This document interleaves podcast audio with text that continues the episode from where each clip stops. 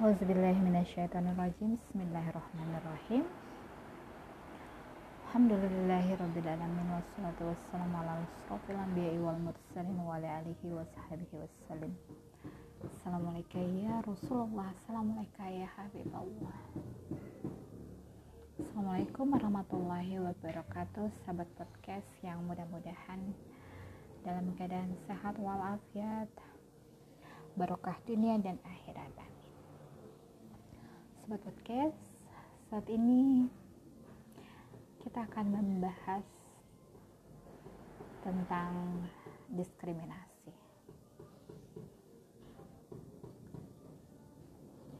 Yang ingin diangkat adalah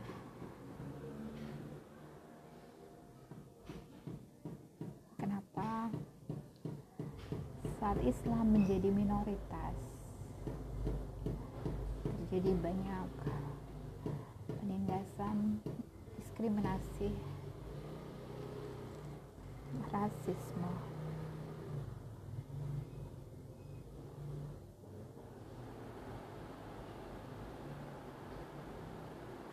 Dikatakan dalam surah.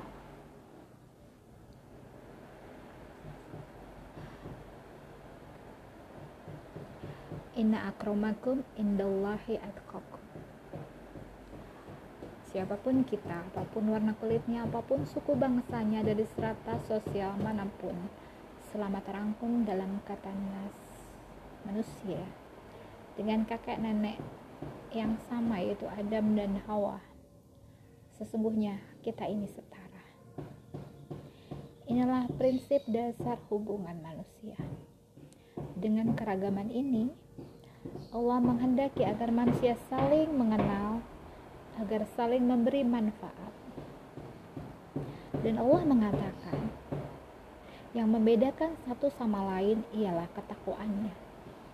Sungguhnya Allah tidak memandang rupa harta kalian, tapi Allah memandang hati dan amal kalian. Ayat inilah yang Nabi Allah kita Nabi Muhammad SAW jadikan sebagai penghapus fanatisme, zahiliyah, dan diskriminasi.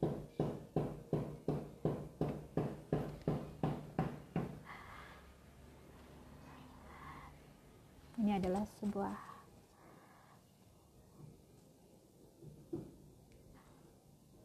pelajaran untuk kita semua bahwa dalam menjalani, menjalani segala kehidupan ini yang sangat amat dipentingkan adalah ketakwaan. Yang Allah adalah pandang adalah hati. Bagaimana hati ini mendominasi dari perilaku manusia. Dan amal ini adalah kebaikan bukan kejahatan. Yang terjadi banyak di negara-negara yang Islam ini minoritas. Terjadi penindasan sedih rasanya. Namun ada pula di negara Islam yang mayoriti Islam antara Islam satu dengan yang lain saling bunuh membunuh. Ini juga sangat menyedihkan.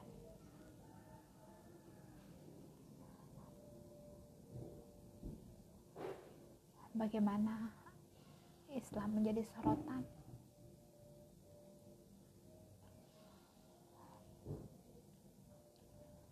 dan bagaimana ini menjadi ujian. Di sisi lain, Islam semakin banyak berkembang di daerah-daerah Eropa, di daratan Asia, khususnya di Jepang,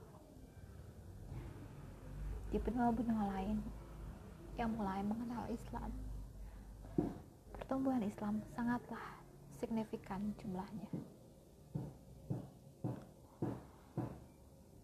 Ini adalah sebuah pro kontra. Bagaimana hal ini bisa kita telah dan pelajari. Bagaimana lika-likunya kehidupan zaman akhir zaman ini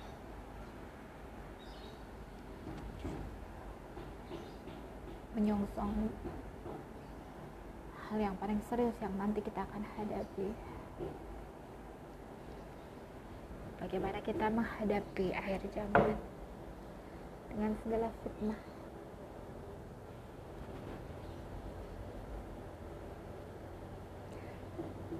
Di dalam kalangan tubuh kita sendiri di kalangan mayoritis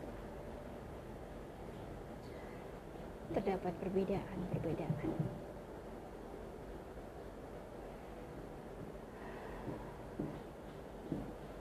perbedaannya adalah yang satu memandang yang lain salah. Adapun yang satu tidak mempermasalahkan. Dia mau melakukan apa pun asal tidak mengganggu. Kami yang punya akidah yang sudah lama kami pahami dan kami amalkan. Sudah demikian lamanya.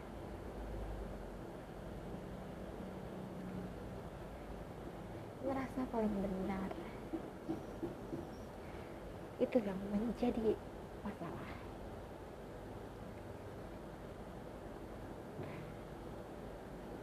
Dalam Islam tidak ada pemaksaan untuk agamamu dan untuk agamaku apalagi di dalam Islam itu sendiri. Silahkan menjalani apa pun yang diyakini. Tidak saling mengganggu. Boleh saling mengomentari dengan adab yang baik dengan akhlak mulia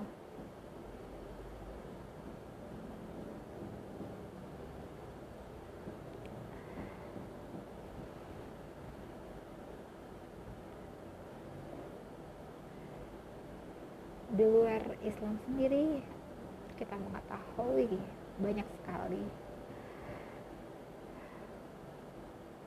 cabang-cabang dari agama mereka. Dan mungkin di mereka pun ada perdebatan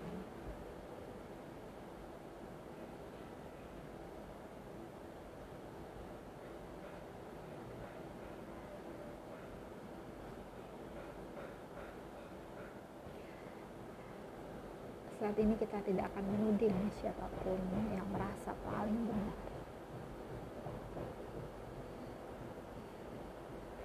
Intilah intinya adalah berjalan pada keyakinan masing-masing semakin meningkatkan akhlak mulia menghormati kepercayaan yang orang yakini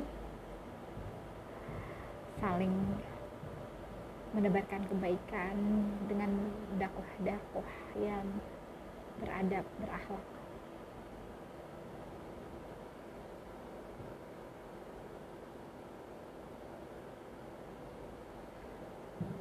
Sudah dikatakan bahwa Allah menciptakan manusia setara. Dan manusia tersebar dan diperintahkan untuk saling mengenal satu sama lain untuk menebarkan manfaat bukan menebarkan kebencian. Allah tidak pernah memandang apa pun selain amal dan hati manusia.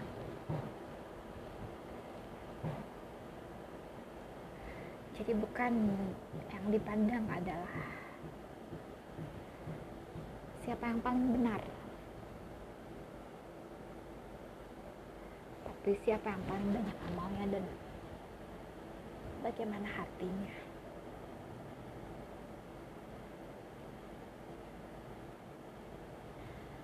Nah, itu saja.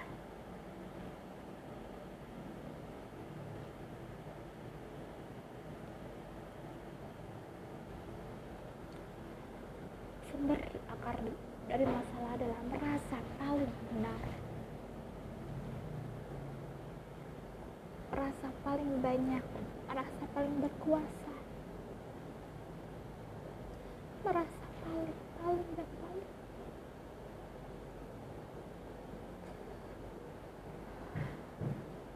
sehingga saya tak bisa semena-mena menguasai hati.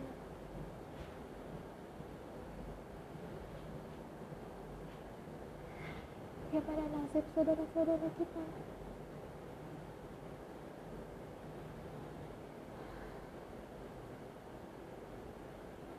Sedialah saudara saudara kita di luar sana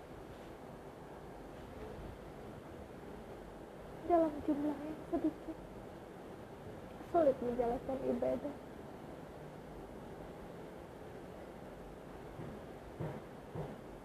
Semakin banyak yang tertarik kepada agama kita.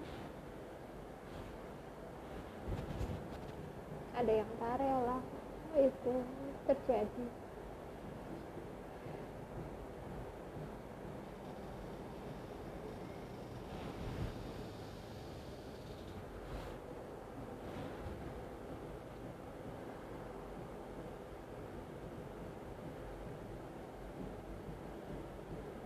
doa yang sama yang ingin selalu dipanjatkan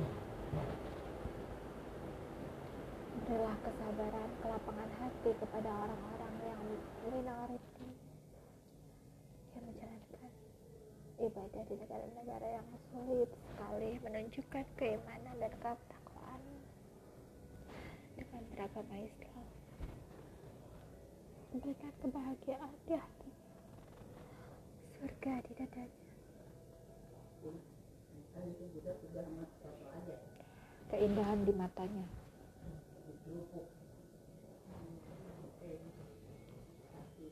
hanya itu saja.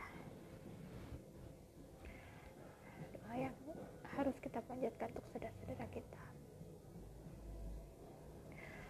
Dan menghadapi pergolakan pergerakan ke depan. Hanya satu. yang kita minta berikan kami pemimpin-pemimpin yang amanah mulai dari atas hingga bawah. Lah yang sebaik-baiknya memilih pemimpin-pemimpin untuk kita. Karena kebahagiaan keindahan kenyamanan apabila kita memiliki pemimpin yang amanah mungkin itu saja. Jangan lupa selalu meminta pemimpin yang amanah yang akan menghiasi kehidupan kita ke depan. Yang tidak hanya mementingkan segelintir golongan tapi yang mendoakan rakyatnya mencintai rakyatnya bahwa sebaik-baiknya pemimpin adalah yang didoakan oleh rakyatnya. Sebaik-baiknya rakyat yang mendoakan pemimpinnya mencintai pemimpin apa pun yang sekarang terjadi doakan pemimpin kita. Agar selalu mencintai rakyatnya begitu pula rakyatnya mencintai pemimpinnya maka apa yang diputuskannya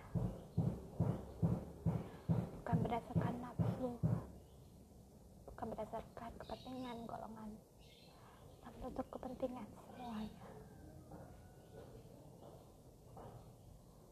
Allahumma salli ala Sayyidina wa maulana Muhammadin sallallahu alaihi wasallam. Hasbunallah wa ni'mal wakil Ni'mal maula wa ni'mal nasyir La hawla wa la quwata illa billah Ya hayu ya qayyum La ilaha illa anta subhanaka inni kuntu minas zalimin Allahumma salli ala Sayyidina wa maulana Muhammadin sallallahu alaihi wasallam Allahumma salli ala Sayyidina Muhammad wa ala alihi wa ashabihi wa sallim Subhana rabbika rabbi izzati amma yasifun wa salamun ala mursalin walhamdulillahi rabbil alamin Wabillahi taufiq wal hidayah Wallahu a'lam bishawab. Assalamualaikum warahmatullahi wabarakatuh.